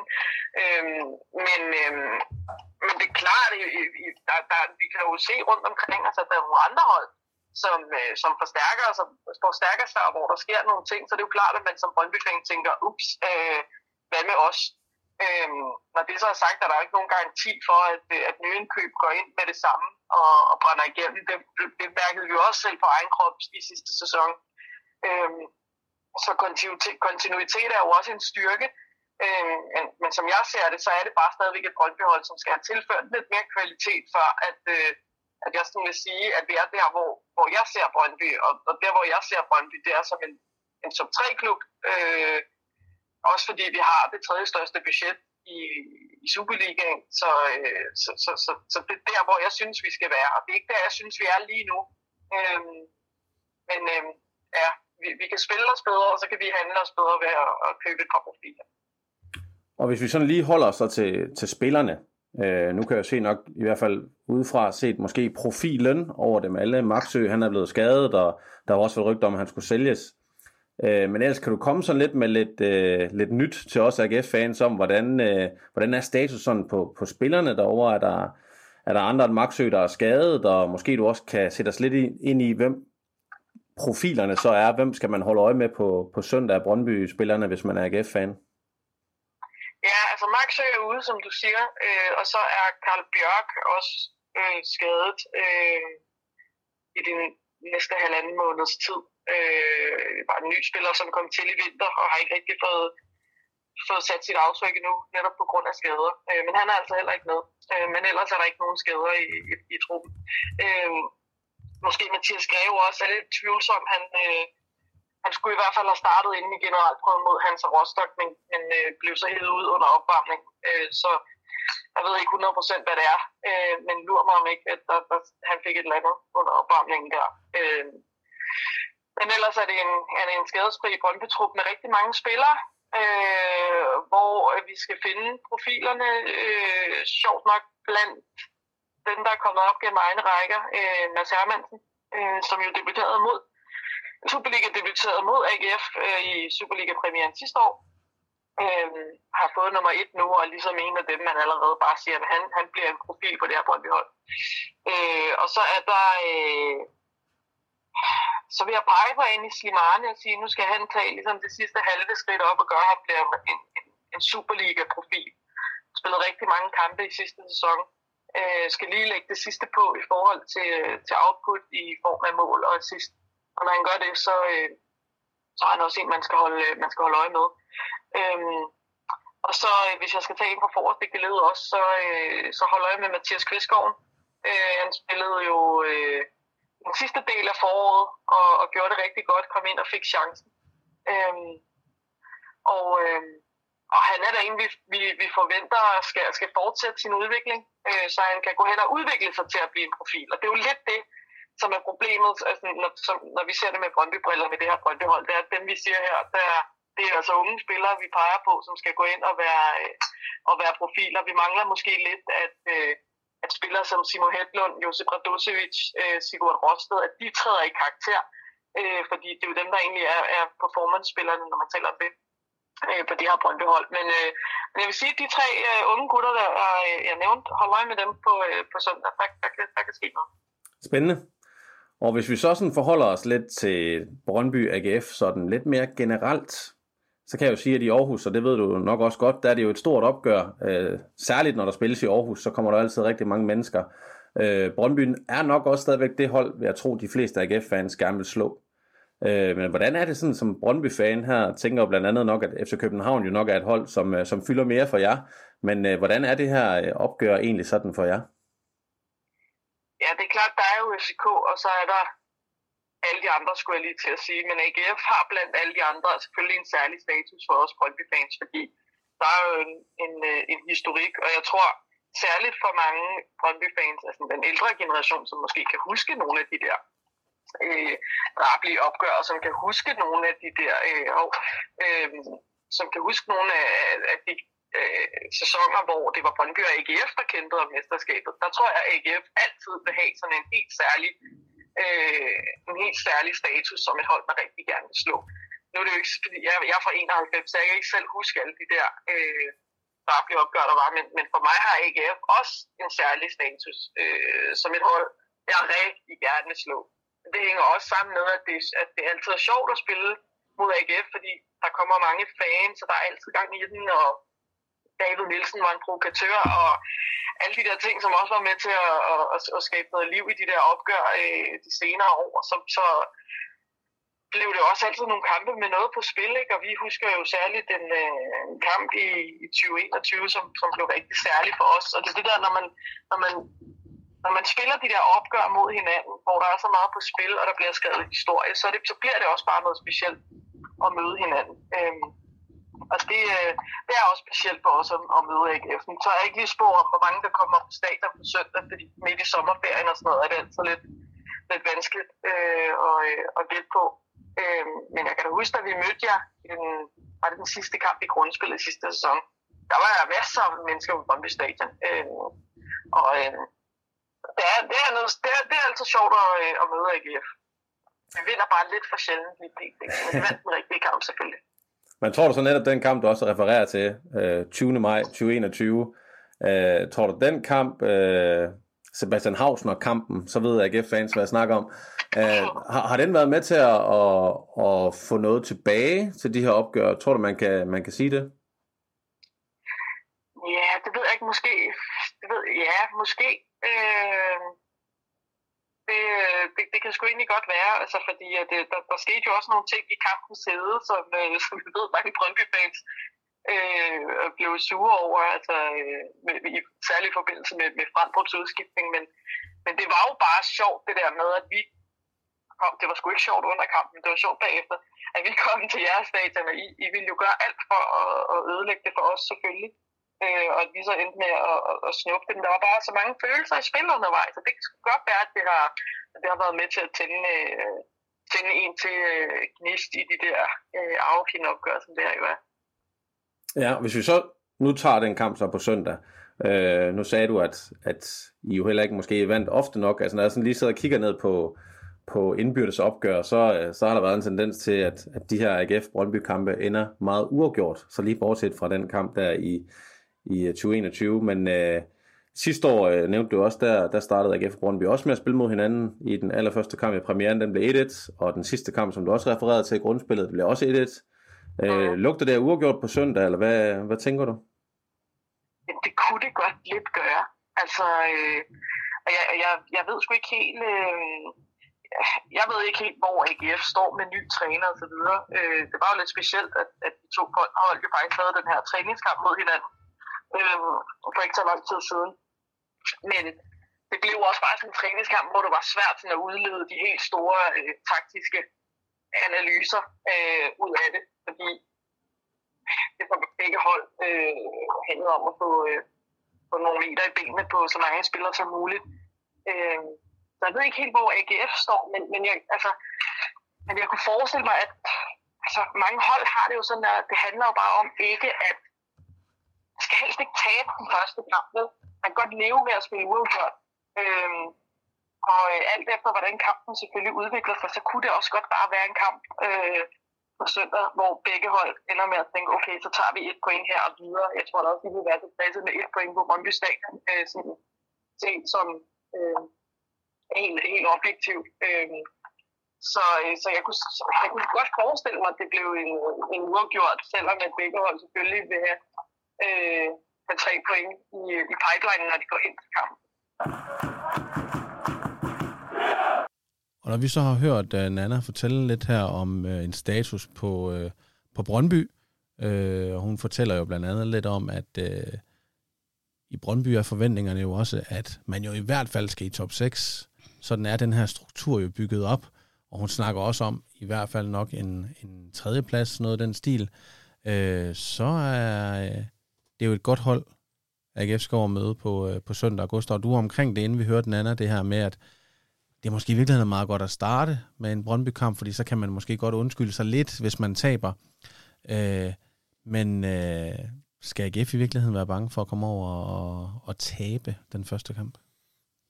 Nej, det, det, skal, det skal man aldrig være bange for. Øh, og det tror jeg sådan set heller ikke, de er. Øh, og, og, og siger du, Brøndby er et godt hold, det er det også, og, og, og jeg tror da også nok, de skal gå i top 6 uden de, de store problemer. Men, men, men øh, at, at et hold og en trup, der øh, partout bare får, får bronze uden at røre en finger, det, det, det, det synes jeg overhovedet ikke, det er. Øh, det, det bevares, det, det, det, det er et godt fodboldhold, men kan vi gå over og slå dem på en god dag? Det kan vi sagtens. Øhm, øh, det, det, det synes jeg også, det viste i sidste sæson, at, øh, at, at det er ikke fordi, de, de ligger os og, og, og udspiller os øh, på nogen måde, selvom de, øh, de, lå, de lå bedre, end vi gjorde øh, sidste sæson. Men, jeg kan også sige nu her, når vi hører Nana fortælle, Ahmed, nu vil jeg egentlig spørge, om, om I bliver nervøse for, når hun sådan fortæller om, at der i hvert fald er forventninger til. Der er godt nok været meget stille på deres, øh, i deres transfervindue her hen over sommeren. De har Maxø skadet, som hun også fortæller. Øh, men man kan også vente om, måske lidt som Gustav gør, har hun i virkeligheden lidt for gulblå briller på, øh, Nana, når hun fortæller om Brøndby, at det i virkeligheden et hold, AGF egentlig øh, skal kunne gå over, og egentlig godt kunne regne med i hvert fald at tage point fra? altså det synes jeg næsten, siden de igen har mistet et øh, par stykker, hvis jeg ikke tager helt fejl, øh, og ikke øh, fået så meget ind. Øh, de købte vist en angriber. Gør det ikke det? Lige inden sæsonen sluttede. Okay, det, altså, jeg prøvede at kigge ind på det før, jeg kunne ikke rigtig finde det, men jeg føler, de øh, købte en, en, en angriber der. I hvert fald, de studerede jo sæson af med ham her, den unge angriber på top, som jeg også lige nu har glemt. Øh, Kvistgården. Lige præcis, som er så åbenbart har gjort det fint og så videre. Jeg tror det mest, fordi at de altid bliver lidt våde i, våde bukserne over en deres egen, der er ved at vise takter, og det kan vi jo godt forstå, det gør vi også her jo. Men jo, jeg synes jo ikke, at deres trup af salg er mere og de havde jo en, lidt den samme krise, øh, som vi havde i slutningen af deres øh, sæson, så, men at vi ligefrem skal tage til Brøndby Stadion og, og, og, og, og gøre noget helt vildt, det tror jeg ikke, vi skal forvente, fordi sådan er det jo altid lidt med, med sådan nogle rivaliserende opgør, som den her kamp lidt udvikler sig til. Øh, også for Brøndby, så det er det vigtigste. Det synes, synes jeg nemlig ikke altid, den har været, men i de seneste år lyder det også både på, på spillerne og fans, at de har det på samme måde. Og øh, der ryger form jo oftest ud af billeder, og der kan mange spilmæssige ting blive, blive ligegyldigt. Det er jo ligesom, når vi spiller mod Randers, der er der også mange gange, hvor jeg følte, at vi bare skulle klasse dem, og hvor det slet ikke har været tilfældet. Øh, men på papiret, så synes jeg jo, vi, vi matcher hinanden meget godt, det vil jeg jo sige det, og, og en, en, en, en udgået kamp, så, som vi også får snakket om der, hvor begge hold kommer lidt forsigtigt til osv., er nemlig også meget det, jeg, jeg forventer. Men, øh, men det er jo måske lidt der, Røsler kan tage dem på, på røven. Fordi jeg har ingen forventning om, at, til at Niels Frederiksen går ind og, og, og vil fuldstændig prøve at, at køre os ned. Øh, og det kan vi jo måske både med, med, med noget, altså, noget power foran med, med Haugen og, og, og Kuminovske, som altså, jeg tror, jeg tror det mest ønsketænkende frem for, det er noget, jeg tænker med hjernen, men ej, jeg, jeg gad godt, at de, de to kunne uh, blive farlige makkerpar sammen. Og, og, og igen, øh, det der er med angriber og så videre, det er altid en, en, en the mental game, det handler om altid at have selvtiden helt i top. Hvis man lige starter ud, både som ny spiller, eller, eller som også øh, få en ny partner ind, og, og få en ny chance med en ny træner, og starte ud med at score nogle mål ude, øh, ude mod Brøndby, i den første kamp i sæsonen, altså, så, så, så, altså, så kan alt næsten ske. Gustav, øh, det er jo Uwe Røslers første kamp som mm. uh, AGF-træner. Hvad er du mest spændt på i forhold til den her kamp på søndag? Jeg er mest spændt på at se, hvor, øhm, hvor godt det nye system hænger sammen. Øhm, altså min, min frygt er jo, at, at når han dels kommer med, med den her nye øh, startopstilling, øh, og samtidig de her nye, øh, det, det nye pres og, og, og nye måder at spille på, og sådan noget, det er et, et, et helt nyt system på mange måder, ikke? Øh, så er min frygt, at at det kan komme til at slå revner. Så kan det godt være, at man, man kommer ud for fuld ild, og, og det fungerer godt og sådan noget, men, men de der, altså det er jo på ingen måde inde under huden. Øhm, og og det, det er min frygt, øhm, at man så kan stå over for en Brøndby-trup, som er, er, øh, er, er, er samspillet, og som øh, har mange af de samme spillere, som de også havde sidste sæson, at de så kan på... Øh, på en eller anden måde kan gå ind og udnytte de der ting, øh, sådan rent, ren taktisk, og så, så kan vi være nede øh, 2-0 øh, i, i, i første halvleg, fordi de lige har slået Revner to gange, øh, hvor de spillede ned mellem vores, øh, vores tre stropper, eller et eller andet i den stil. Øh, så, så det kan jeg godt være nervøs for. Øh, men så det er jo vilkårene, når man, når man starter noget nyt, at, at der, der vil være fejl. Altså, så, så det, det er jo ikke... Der er jo ikke, der er jo ikke andet for, end at, end at mose på og få, få lavet aftalerne rigtigt, og så, øh, og så, så må man se, hvordan det går. Eller sådan, men men det, det kunne i hvert fald være en frygt. Der er jo det, at for to sæsoner siden bliver Brøndby jo uh, danske mestre. Det gør de i en sæson, hvor uh, man som AGF-fan også lige kort havde et håb om, at AGF kunne have blandet sig i det her mm måske lidt billige mesterskab, hvis vi skal drille Brøndby lidt. Øh, der var jo også den her meget famøse kamp, i, øh, som jeg også snakkede lidt med Anna om, det her med Sebastian Hausner og det her. Men i uh, sidste sæson, der bliver Brøndby nummer 4, og de kom, bliver jo altså en del af top 6, og det gjorde AGF jo som bekendt ikke, og det betyder, at man kun mødte hinanden uh, to gange sidste år. Faktisk så mødte AGF og Brøndby også hinanden i, for, i uh, efterårspremieren, i Superliga-premieren sidste år. Det var dog i Aarhus, og der spillede man uh, 1-1, og så sluttede man uh, grundspillet af ved at spille 1-1 i Brøndby.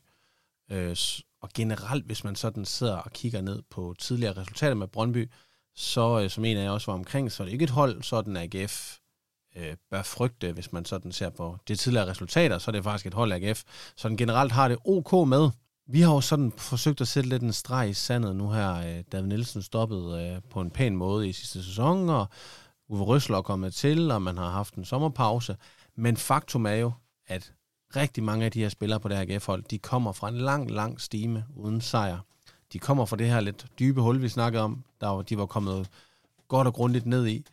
Øh, hvor vigtigt tror I, det er, at AGF kommer godt fra start på øh, søndag? For de her spillere og Fuve Røsler og hele det her nye projekt. Men der er jo forskel på god start. Der kan være god start øh, spillemæssigt og, og indtal i truppen, og så kan der være god start øh, resultatmæssigt eller pointmæssigt. Øh, og jeg tror, det første er langt vigtigere, end, end det andet er.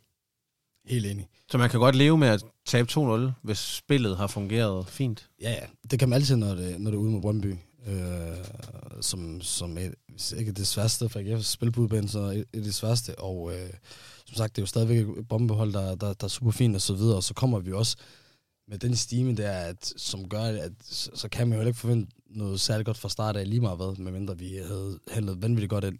Så nej, så der er jeg også 100% enig med Gustav. Det, er, det hele afhænger af, af, af må man spiller på. Og så det eneste, der kan betyde noget resultatmæssigt, det er jo, hvis de får en til stedet afklap sig. Fordi så er det jo næsten ligegyldigt, hvor godt man har spillet, hvis man tager på 3-4-0. Mm. Øh, og, og, og så igen, altså det er jo ikke fordi, vi sidder og taler for, at at EF kommer til at tage tonen. Altså, jeg, jeg, min positivitet lever hernede. Jeg tror, jeg tror helt seriøst på, at vi går over og, og, og slår dem. Det, er, det, det, det tror jeg på, og det håber jeg på, og det, det mener jeg bestemt ikke er umuligt. Øhm, det er mere bare for at sige, hvis man skulle, lad os sige, man taber 1-0 eller 2-1 eller sådan noget, så er det ikke fordi, at, at jeg i hvert fald er parat til at forkaste hele sæsonen. Altså, det, det er jo mere bare sådan...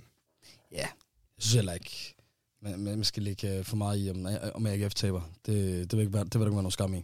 Hvis vi så tager, hvad I tror, ikke hvad I håber, men hvad I tror, så øh, igen, sådan vi har noget at hænge op på igen, øh, så vil jeg egentlig godt høre jeres bud på, på resultatet.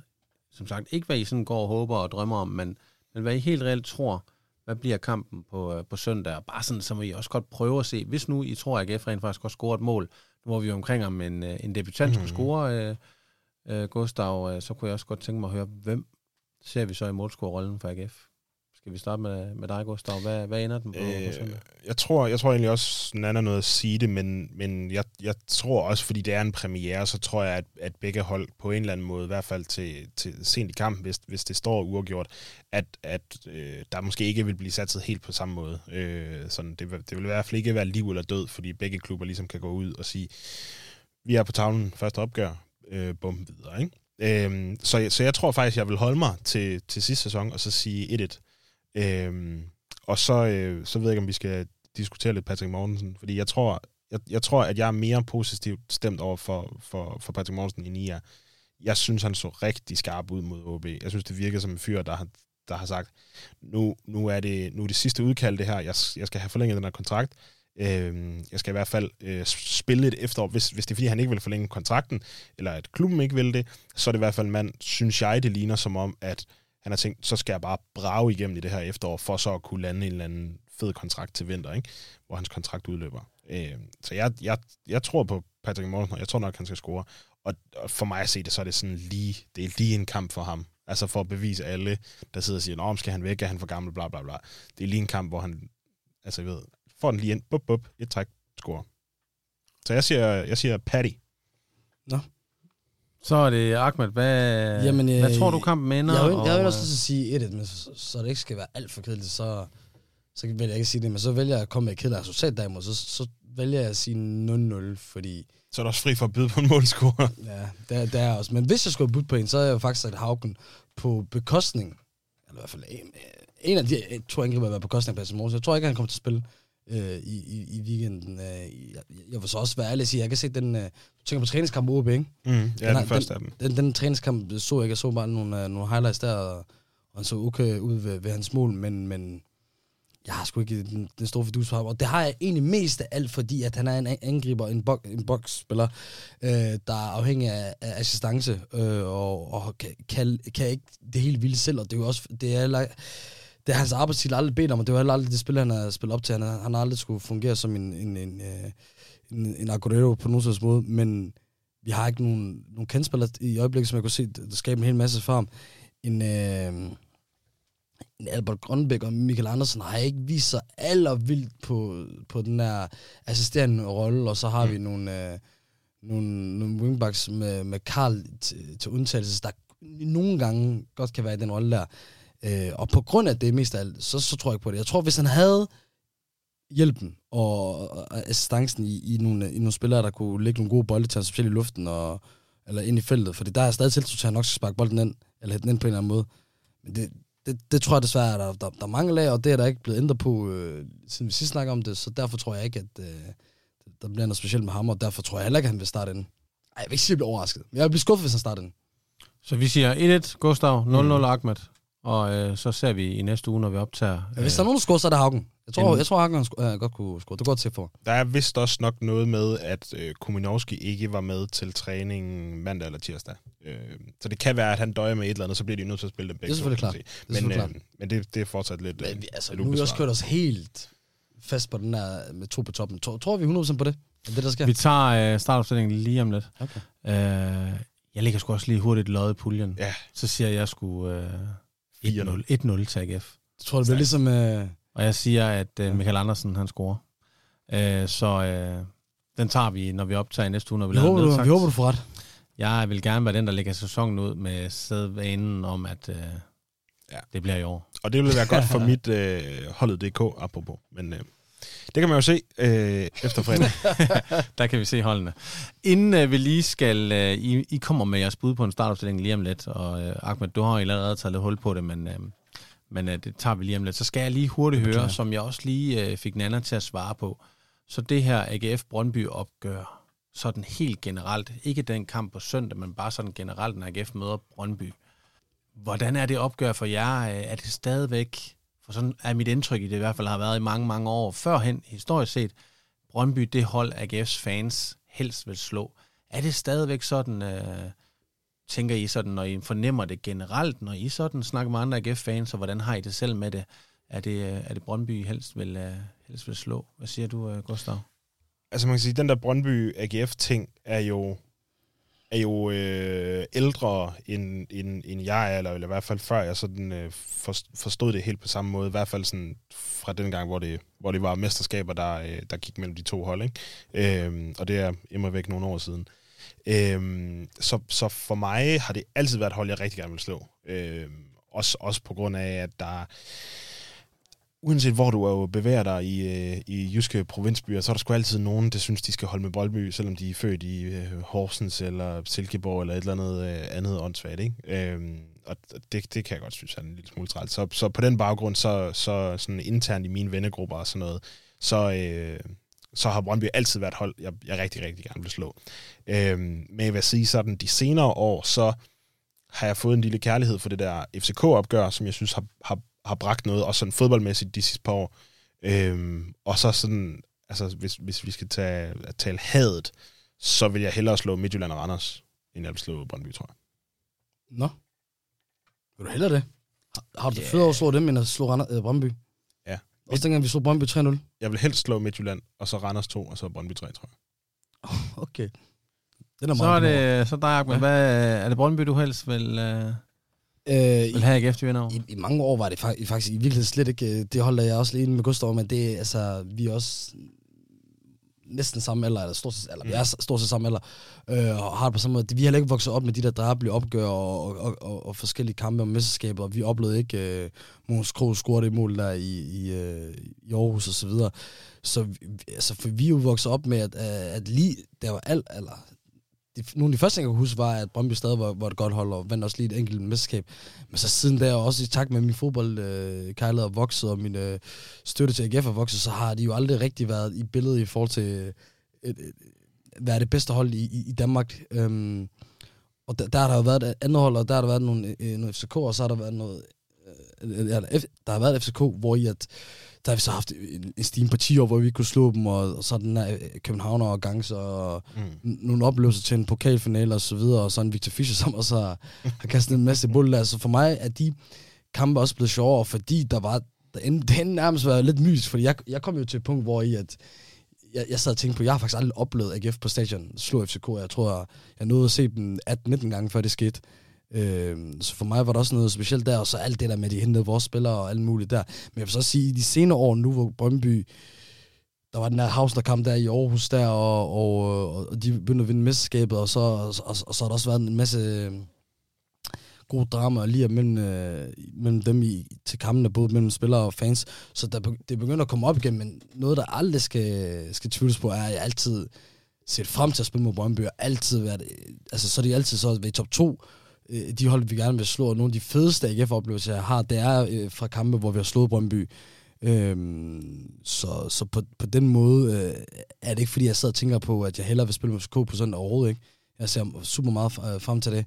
Øh, og så hvem ved, øh, fordi der så selvfølgelig også ligger den historik, der er mellem klubberne, og hvis AGF kan komme derop igen, og vi kan slås med dem igen om nogle om 3. 4. pladser, så kan det jo også være det, der, der får mig til over til, at jeg synes, de øh, er fede at slå. Super, men lad, lad os nu bare blive enige om, at øh, den bliver 1-0 på, på søndag, så tager ja. vi den derfra. Øh, jeg havde givet jer nogle lektier for, og øh, I havde jo allerede taget lidt hul på det. Det er noget, der er svært ikke at komme til at snakke om, fordi mm. at den her kamp jo er på søndag. Men øh, jeg kunne egentlig rigtig godt tænke mig også, at i forbindelse med, med den her første kamp i sæsonen, øh, der er så mange spørgsmålstegn, tænker jeg i hvert fald i forhold til startopstillingen, at vi måske også prøver at de to hold, I øh, prøver at komme med lige om lidt. Vi prøver måske at lægge dem ud på de sociale medier, så kan folk derude prøve at diskutere med, og prøve også at lægge jeres øh, bud på en startopstilling op. Der er jo ikke rigtig noget øh, sammenligningsgrund, fordi Uwe Røsler ikke har stået, øh, stået i spidsen for holdet i en officiel kamp før. Han var ude og sige lidt før Sønderjyske kampen, at man måtte ikke øh, se det som om, at det her det var startopstillingen mod Brøndby, fordi at øh, der var stadigvæk nogle ting, der skulle finpusses og sådan noget. Men man kan måske lade sig inspirere af den. Det er jo det tætteste, vi kan komme på øh, Brøndby-kamp. Men ellers aner vi jo faktisk ikke helt, hvordan øh, han kommer til at stille op. Kommer han til at hedde 3-5-2? Kommer han til at hedde 5-3-2? Kommer den til at være en eller to angriber, som I også nævnte før? Vi aner det ikke. Og derfor er den her opgave endnu sværere for jer, end uh, den måske er om 3-4 runder. Men alligevel synes jeg, at vi skal prøve, uden at gøre det alt for langt, så I behøver måske ikke argumentere helt vildt meget for hver spiller. Mm. Men så kunne jeg egentlig godt bare lige tænke mig at høre, øh, hvordan starter, starter AGF op på, øh, på, øh, på søndag? Hvem er Uwe Røslers første 11 starter? Okay. Jeg kan godt øh, komme med min... Øh, Jesper Hansen er meget indiskutabel, og så, og så tænker jeg, at han øh, kommer til at fortsætte øh, med de der tre forsvar også, fordi at det er jo egentlig vores styrke på en eller anden måde, og det, jeg kan godt se, øh, at det giver mening, og jeg synes også, det er virkelig fint. Så det kan jeg ikke se, hvorfor man skal ændre det. Så, og det vil bestå af øh, Bisek, øh, tænker jeg, og øh, TK. Mm. Og så har, hvad nok... Det kan jeg jo sige, det har jeg også. Ja, og så afbryder jeg så lige med det samme, så øh, nu når I har det samme, så vælger I jo TK over Hausner begge to. Ja. Og, eller sådan set alle tre over Hausner, men nu nævner jeg lige TK, fordi for mig stod det måske mellem de to af de yngste, hvor jeg tænker, at øh, Bisek, Ej, det gør det slet ikke for mig. Bisek er nok profilen for mig, og så tænker jeg den med rutinen, og så står det mellem TK Jeg har faktisk TK som den første på. Okay. Også, også over Bisek, men det, det er noget med form at gøre. Fordi jo, jo, Bisek er en, en bedre spiller og så, og så videre, men, men TK har gjort det bedste, og synes jeg stadigvæk ser ser mest sikker ud bagved. Så Tego er klart den første for mig, så der var aldrig en, en snak med, eller diskussion for mig mellem Tego og Lausner overhovedet. Du var heller ikke i tvivl, Gustav? Nej. Det var egentlig kun ting her, som var den eneste bobler for mig. Så fortsætter du bare med, jeg går ud fra, at du har to backs, så? Ja. Eller wingbacks. Der kan vi nogle wingbacks, og der føler jeg, altså, der kan jeg Karl godt gå hen og blive en, en, en rigtig god spiller der, og ham har jeg klart med øh, der på venstre side, og så har jeg så øh, Mølgaard, på, på højre. Han har også prøvet det og spillet det i det system i, i Vejle og gjort det meget godt der. Så det synes jeg er en, vi også meget klar på mig der. Øhm, er du enig med de to backs, uh, Gustav? Øhm, jeg har Karl. Øhm, også fordi, at jeg synes, alternativet med at starte med links inden ja. i, i den første kamp, altså med den sæson, han har haft, så, så altså, det, vil, det vil skulle være for skørt på en eller anden måde. Øhm, han er sådan en, der skal vokse ind i den der rolle, og så, så kan man bruge ham, når, når det giver mening. Øh, over på den anden side har jeg, har jeg Munksgaard, og det er egentlig fordi, jeg, jeg tror, at Uwe Røsler, han trods alt vil spille den på en eller anden måde sikkert. Øh, det er en mand, som har alle relationerne øh, til alle de andre spillere. Øh, han, han har fuldstændig styr på den der bagkæde. Og så samtidig ligands mest forudsigelige overlap. Ja, ja, ja, det har han også. Men omvendt så tror jeg også, og det er noget, jeg kommer til at tænke på i dag, at, at hvis, man, hvis man på en eller anden måde kommer i problemer, jamen så har så, så, så, så, så synes jeg trods alt, at Munchsgaard har en større defensiv stabilitet, end, end Mølgaard har. Og så kan man sige, så kan man lade, lade Karl over i den anden side gå rigtig, rigtig langt op, slå de der indlæg, som, som han jo er god til. Så kan man lade Munchsgaard blive en lille smule tilbage, og så i situationer kan man så gå ned og spille med, med fire i bagkæden, trods alt. Ikke? Så, så lade Munchsgaard hænge lidt, og så må man spille en lille smule skævt på den måde. Øh, så det er lige derfor, jeg tror, at det, det bliver over Mølgaard. Men, men, men jeg, jeg synes, det er tæt mellem de to. Men som udgangspunkt, så er I enige om Jesper Hansen på kassen. Et tremands centerforsvar med Sebastian, nej, undskyld, Thomas øh, T.K. Christensen, uh, Jan Bisek og Frederik Tinger. Og så er I enige om, at Karl starter på venstre vingbak. Mm. Ja. Og så er I lidt uenige om, det bliver Mølgaard eller Munksgaard. Yes. Ahmed, så tager den op uh, længere frem ja. på midten. Og, der har jeg så en, en midtbane bestående af Nikolaj Poulsen, uh, Michael Andersson og uh, Albert Grønbæk. Øh, og en der vil sige, at det tager egentlig sådan konkluderende, for det, det, er lidt gennemgående for det hele. Det er lidt, øh, ja, det er lidt i, forhold til mine sådan negative tanker generelt om det her system. Men i hvert fald, så kommer Nikolaj Poulsen til at stå lidt bag, bag dem, og så er der de to foran ham. Jeg vil så sige, at øh, Massimil øh, Madsen, er det rigtigt? Mm. Ja, at øh, jeg tror, han skal bevise lidt mere, før han kan starte ind på den midtbane der, men det det bliver spændende at se, om han kan gøre det, komme kom ind der. Egentlig så har jeg det sådan lidt med Nikolaj Poulsen. Altså, han var i hvert fald en af de første på, på holdkortet for mig for, nogle, for et år siden, eller andet år siden, men ikke så meget længere. Jeg synes, han, øh, han er mere bevis, men han har altså øh, heldigvis et, øh, et højt bundniveau, som gør, at det, det kan give mening for mig. Men jeg vil egentlig sige, altså lige her i den her situation, altså, så, så, så kommer min, min, min tese ind, eller min ting ind med, at jeg savner sgu nogle, øh, nogle, nogle kanter, og at jeg ikke øh, øh er sådan, ikke, i hvert fald ikke Karl endnu, måske til lige i fremtiden, men jeg er ikke helt overbevist om, hvor vanvittigt gode de her wingbacks er offensivt for mig. Jeg har faktisk meget, jeg har fint tødt som øh, øh, defensivt. Karl har også vist nogle gange, også den kamp, der var scoret to mål, han, han kan godt komme med op offensivt. Jeg ved ikke, om jeg, jeg er fra den gamle skole, der, hvor jeg er rigtig glad for sådan en høj eller kort indlæg, eller, eller kanter, der kan komme ind og, og byde ind til det, det offensive der. Og specielt hvis det er sådan en som Munchsgaard, som jeg faktisk har været meget træt af. Det ser jeg kan fungere. Jeg, jeg synes, det er ærgerligt, at Alberto ikke har bevist mere på det defensive, for jeg synes faktisk meget offensivt, så har han rigtig været god der. Der har vi en spiller, hvor jeg har været, haft mere øh, ro i, i, i forhold til at spille med det system der. Men øh, men det er, hvad det er. Jeg, Michael Andersen er jo, er, er jo lidt vores store profil, synes jeg. Synes jeg. jeg synes, det, for ham er det måske en force af, at, at spillet skal gå mere gennem ham og, og mm. midtbanen frem for kanterne, og der kan han måske sprudle, og det er måske tankerne der, at man skal satse på, det ved jeg ikke, og, og jeg synes egentlig, at, at både Grønbæk og Andersen, han synes jeg er, er super sexet, øh, og, og det, er, det er stort tilhænger, så, så helt dårligt er det ikke. Og så helt foran øh, har jeg... Øh, Kumnowski og, øh, og, og Haugen, som jeg ser som lidt af et øh, projekt, men, men hvor i at, at jeg kan jo egentlig godt se, hvordan de, de skulle fungere, og hvor i at de virker som to spillere, der, der kan kompensere rigtig meget for hinanden i, for, i form af, at, øh, at Kumnowski ud fra dem kan se, inden han kommer til AGF, er en, der godt kan lide at løbe, løbe i dybden, som en, øh, en anden sådan Grønbæk heldigvis kan, kan byde masse til en der, hvor en, en, øh, en Haugen gerne bare vil, vil have den i, i fødderne i, i feltet og, og sparke ind. Og det er jo så mange situationer, man kan få, hvor i at, at Kunoskus løber dybden, hvor enten forspillerne følger med ham, og hvis han så ender med at få bolden, jamen, så kan Haugen stå derinde klar øh, og, eller løbe med der.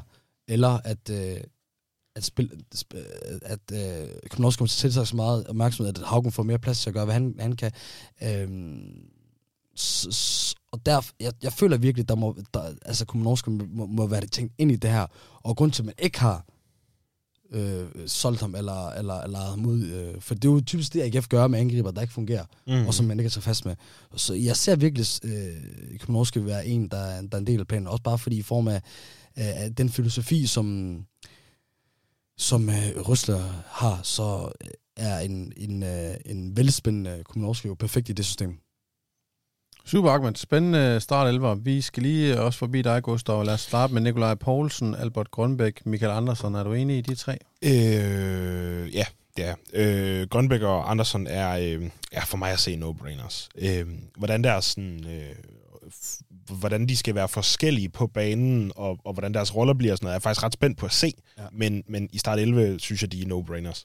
Øh, og så har jeg egentlig også taget øh, Nikolaj Poulsen, men jeg, jeg vil egentlig gerne have skrevet noget andet. Jeg vil jo gerne have skrevet Mads Emil, øh, bringe ham i en eller anden rolle, eller, eller Brandhoff eller sådan, men, men jeg tror, jeg, jeg, jeg tror på en eller anden måde, at Uwe Røsler også tænker, okay, det er også en mand, der, der, der har spillet på Brøndby Stadion masser af gange. Han har et højt bundniveau. Han kan skralde igennem. Øhm, så på den måde bliver det, det bliver en sikkerhed for Uwe Røsler at spille med Nikolaj Poulsen, fordi at han får foræret øh, et rigtig, rigtig godt fundament, også foran de der øh, tre stopper. Øhm, og så, så lad være øh, altså lad være øh, systemet og den nye måde at spille på være, være x-faktoren. Og så dem, der så skal gøre det, jamen, der har man så en større sikkerhed i, øh, i, i, i Nikolaj Poulsen, end hvis man skulle spille med en masse mil mere sådan fra start. Det, jeg tror så også, det handler noget om, at, at han trods alt ikke har været der så længe, og, og, og han har ikke spillet så meget i, i foråret og sådan noget, så, så han skal lige køres ind og sådan noget. Men, men, men jeg tror egentlig, det, det, det er med den på, at, øh, at han vælger Nikolaj Poulsen øh, dernede. Og så er der de to mand fremme. Øh, Ahmed, han øh, tænker, at det skal være debutanten Sigurd Haugen, og så skal mm. det være David Kumanovski. Hvad tænker du? Jeg vil lige være kaldt Stig Haugen før. Der er noget med AGF og de der stier der. Ja. Altså, jeg, øh, jeg har egentlig fravalgt øh, Sigurd Haugen, fordi jeg også tror, han er kommet for sent ind.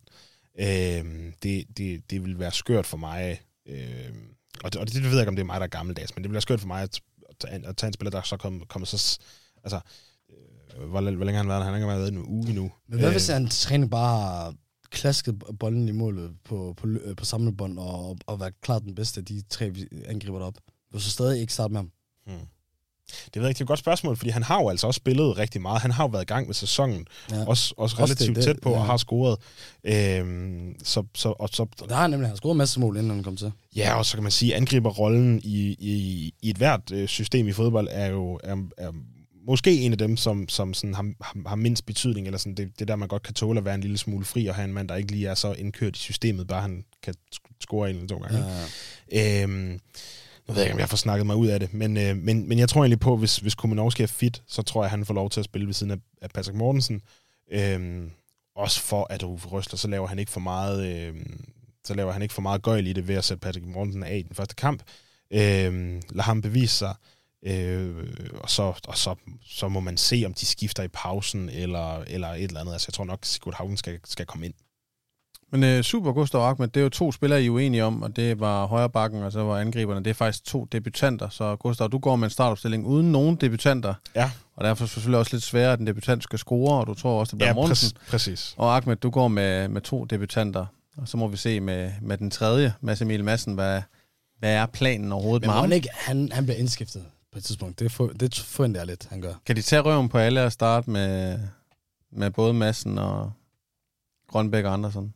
Er det for offensivt? Det vil være for offensivt for mig i hvert fald. Det vil det helt klart være. Ja, så det er et spørgsmål om, altså, hvor er Mads Emil Madsen bedst? Ja. Altså, skal han, skal, er, er han en erstatning for Poulsen? Er han en erstatning for Andersen? Mm. Eller Grønbæk? Altså sådan... Mm.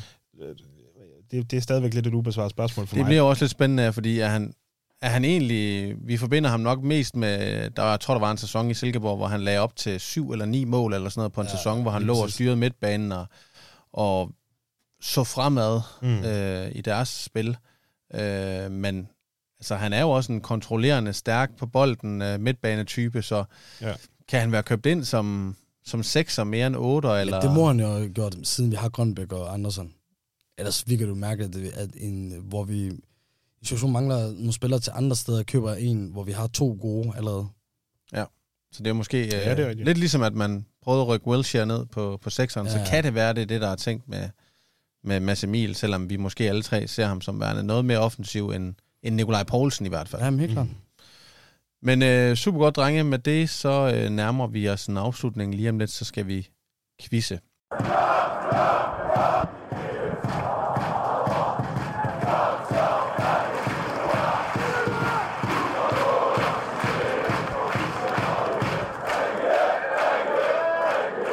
Men først, som øh, vi jo har nævnt nogle gange, så øh, er det jo sådan, at øh, AGF begynder sæsonen på søndag. Og øh, herfra skal der selvfølgelig også lyde en opfordring til, at man tager med på øh, Brøndby Stadion for at støtte holdet. Øh, man skal til at øh, huske de her udebaneture igen.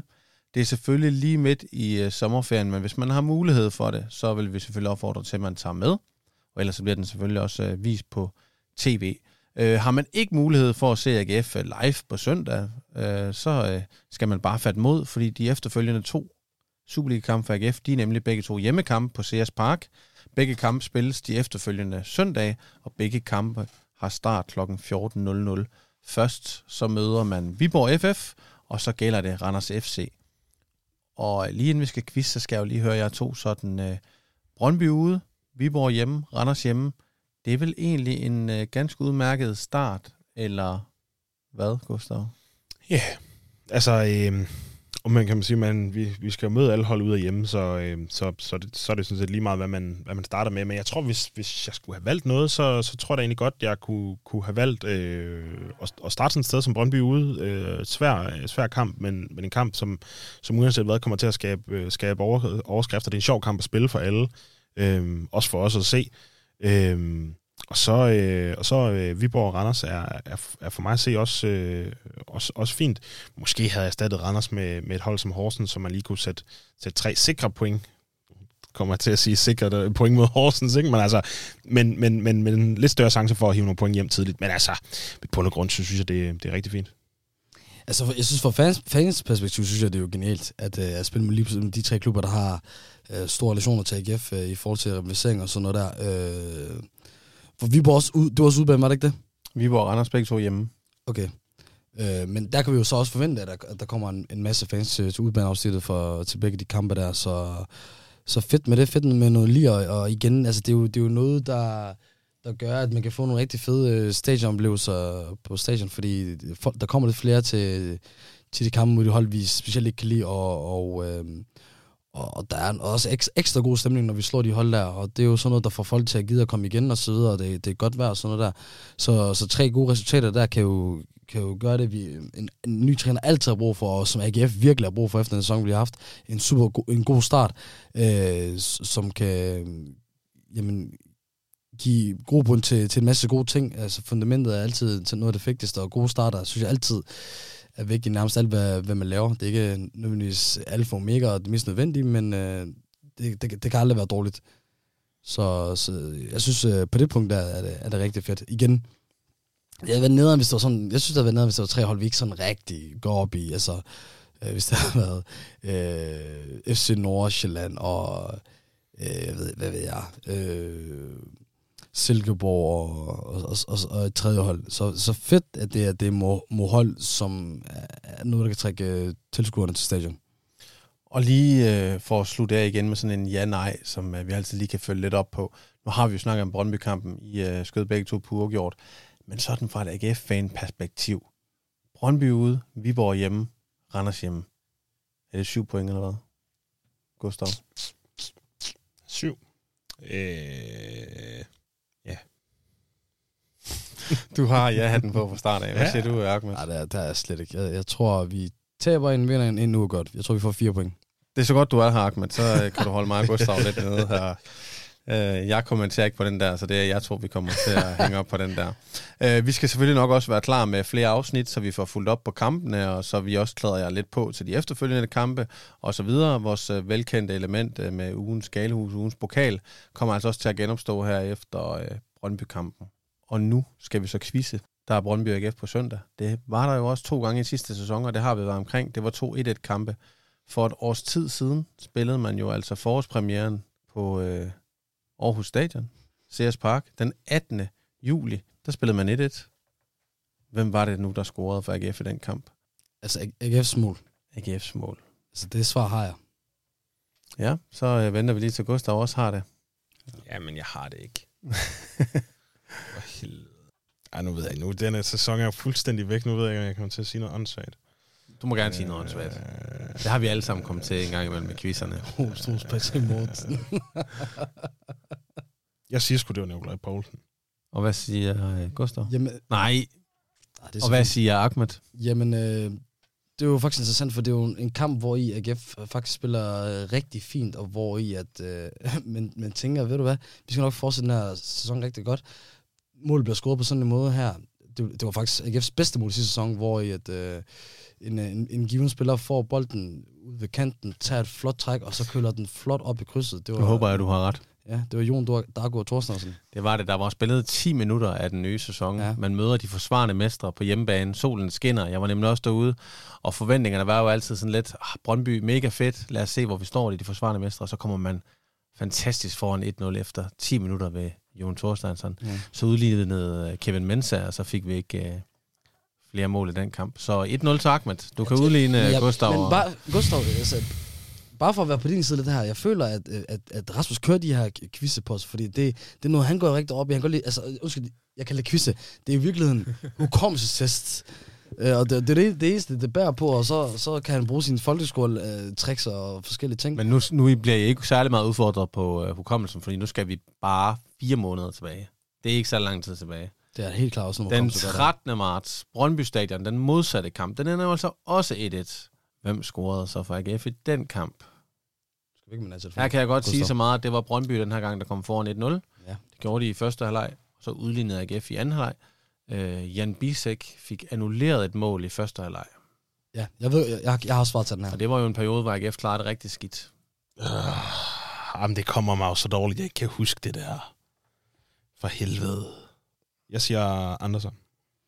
Jeg siger, skal vi lige have hele forløbet igen? Ja, vi, får, Øh, vi, får, vi får forløbet igen. Jeg tror, jo, det er et hjørnespark, hvor i at den øh, enten bliver ramt, eller hedder an, og det, og, det, og, det, og det er meget mærkeligt at se endnu mere mærkeligt på, sta- øh, på tv, hvor jeg så det, fordi jeg var sådan, jeg kan ikke rigtig se, hvad fanden der foregik.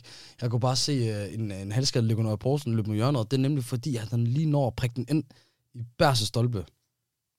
Så er det, og du, nu kigger du mærkeligt på mig, som jeg har sagt noget helt forkert. Hvem var der så scoret? Nikolaj Poulsen. Øh, nej, det var øh, Albert Grønbæk. Så det var ikke øh, helt... Var det der, øh, hvor den blev annulleret Poulsens mål? Øh, nej, det var Det var Bisek. Bisek har fået det. Hvad er det for mål, jeg har så... så skrevet nu her? Det kan jeg ikke svare dig på, men det var hvert var- ikke det her mål. men, men du var fuldstændig, du var fuldstændig. Jeg kan godt huske det der. Det var, derfor, Var det ikke med Brøndby? Ja, men det var derfor, jeg bød på, på Poulsen til at starte hvor- med. Nu, nu bliver jeg helt... Nej, det var øh, Albert Grønbæk, der scorede. Jeg kan huske Grønbæk. Men Grønbæk fik han ikke annulleret en i pausen. Øh, nej, Og det skal jeg selv tjekke op på. det var Bisek. Nu, øh, nu, Jeg, jeg er øh, nærmest 100% sikker på, at det var... nu kan jeg godt mærke, at øh, quizdeltagerne, de rotter sig sammen mod Masteren herovre, men øh, det var det altså. Men, Men, men prøv at høre, det er jo bare... Øh, Altså, jeg er faktisk mere sikker på... Ej, det var jeg ikke. Jeg var ikke mere sikker på, altså, altså, Dagur. Ahmed øh, ender jo med at vinde, så, øh, men Jamen, vi kan også godt lige tage, jeg havde også sådan lige en, øh, en øh, for sjov øh, øh, med, hvis nu I havde øh, spillet 1-1, øh, så kunne jeg godt tænke mig at høre, hvad det er for en spiller, AGF har i truppen nu, som jo øh, tidligere har spillet i Brøndby. mm, Nå, Så vidt jeg lige kan se, at det kun... Det må øh, Vejle, det jeg sidder og beskriver. Det var, det, var, det var kampen før eller andet.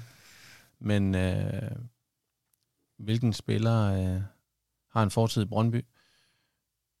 Så vidt jeg lige kan se øh, ned over truppen, så er det kun én spiller lige pt. Er det en, som, er det en, det er en, der vil overraske, er det ikke det? Er det ikke måske en, der er så åbenlys? Ah, Okay, okay, det er så behøver du ikke sige mere. Jeg tror, jeg, jeg har et bud. Jeg har et bud, ja. øh, så siger jeg Jesper Hansen. Hvad siger, Jeg synes, det lyder faktisk som godt hvad siger Ahmed? Jeg siger Tinger. Det er, så vidt jeg, når jeg lige øh, med min egen hukommelse kigger her nedover, så er det altså Patrick Mortensen. Ej, jeg havde ham kraft. Men hvorfor er det... Ej, hvor er det dumt. Patrick Mortensen Men var det kun spillede... ungdoms- øh, ungdomsspiller? i, da, ej, da han brød igennem, han har tre, tre Superliga-kampe på CV'et. Jeg havde for- længe Patrick Morsen som min bud, og så tænkte jeg så, nej, det er andet, jeg bilder mig selv ind. Og så skiftede han til Lyngby, tror jeg, i første division på det tidspunkt. Men det er vi også øh, vi er mange år tilbage. Det var i 07-08, spiller han øh, tre kampe for Brøndbys øh, Superliga-hold i hvert fald. Jeg ved ikke, om han fik flere kampe i pokalen. Ja. Men han har i hvert fald en fortid i, øh, i Brøndby. Øh, Jesper Hansen øh, har, så vidt jeg ved, ikke, øh, i hvert fald ikke på seniorniveau spillet øh, kampe for Brøndby. Så øh, Det var jo undervældende præstation, ja, det må jeg bare sige. uanset hvad, så øhm, må vi jo bare sige, at øh, Ahmed han vandt den her 1-0. Det var 2-1 kampe, og øh, nu må vi se, hvordan det kommer til at gå på søndag. Tilbage herfra er der i hvert fald bare at sige øh, tak for i dag, og god kamp til jer to. God kamp til alle dem, der lytter med derude, uanset om du er AGF-fan eller Brøndby-fan, eller hvad du nu er.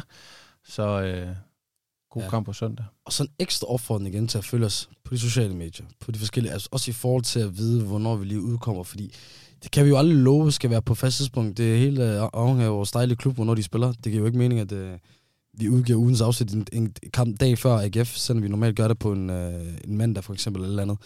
Øh, så, så, så følg med der, men, men vi stræber jo stad, stadigvæk stærkt efter at også formået at gøre det nærmest, vil jeg sige, på når de her sommer, uger, på når den her pause her i sommeren, at udkomme mindst en gang om ugen. Det tænker jeg også, at vi nok skal øh, stræbe efter at opnå i den her sæson her. Så, så regn i hvert fald med det. Lige præcis. Og øh, fredag aften, der øh, starter vi vores øh, miniliga på holdet.dk. Husk det, og få sat jeres hold. I har ikke lang tid tilbage, når I sidder og hører det her så skynd jer, hvis I er et af de navne, der er blevet øh, råbt op i vores øh, konkurrence og vundet guldhold, så skynd jer ind og brug jeres kode, så I også kan være med i det. Ellers så synes jeg bare, vi skal sige øh, tak for i dag.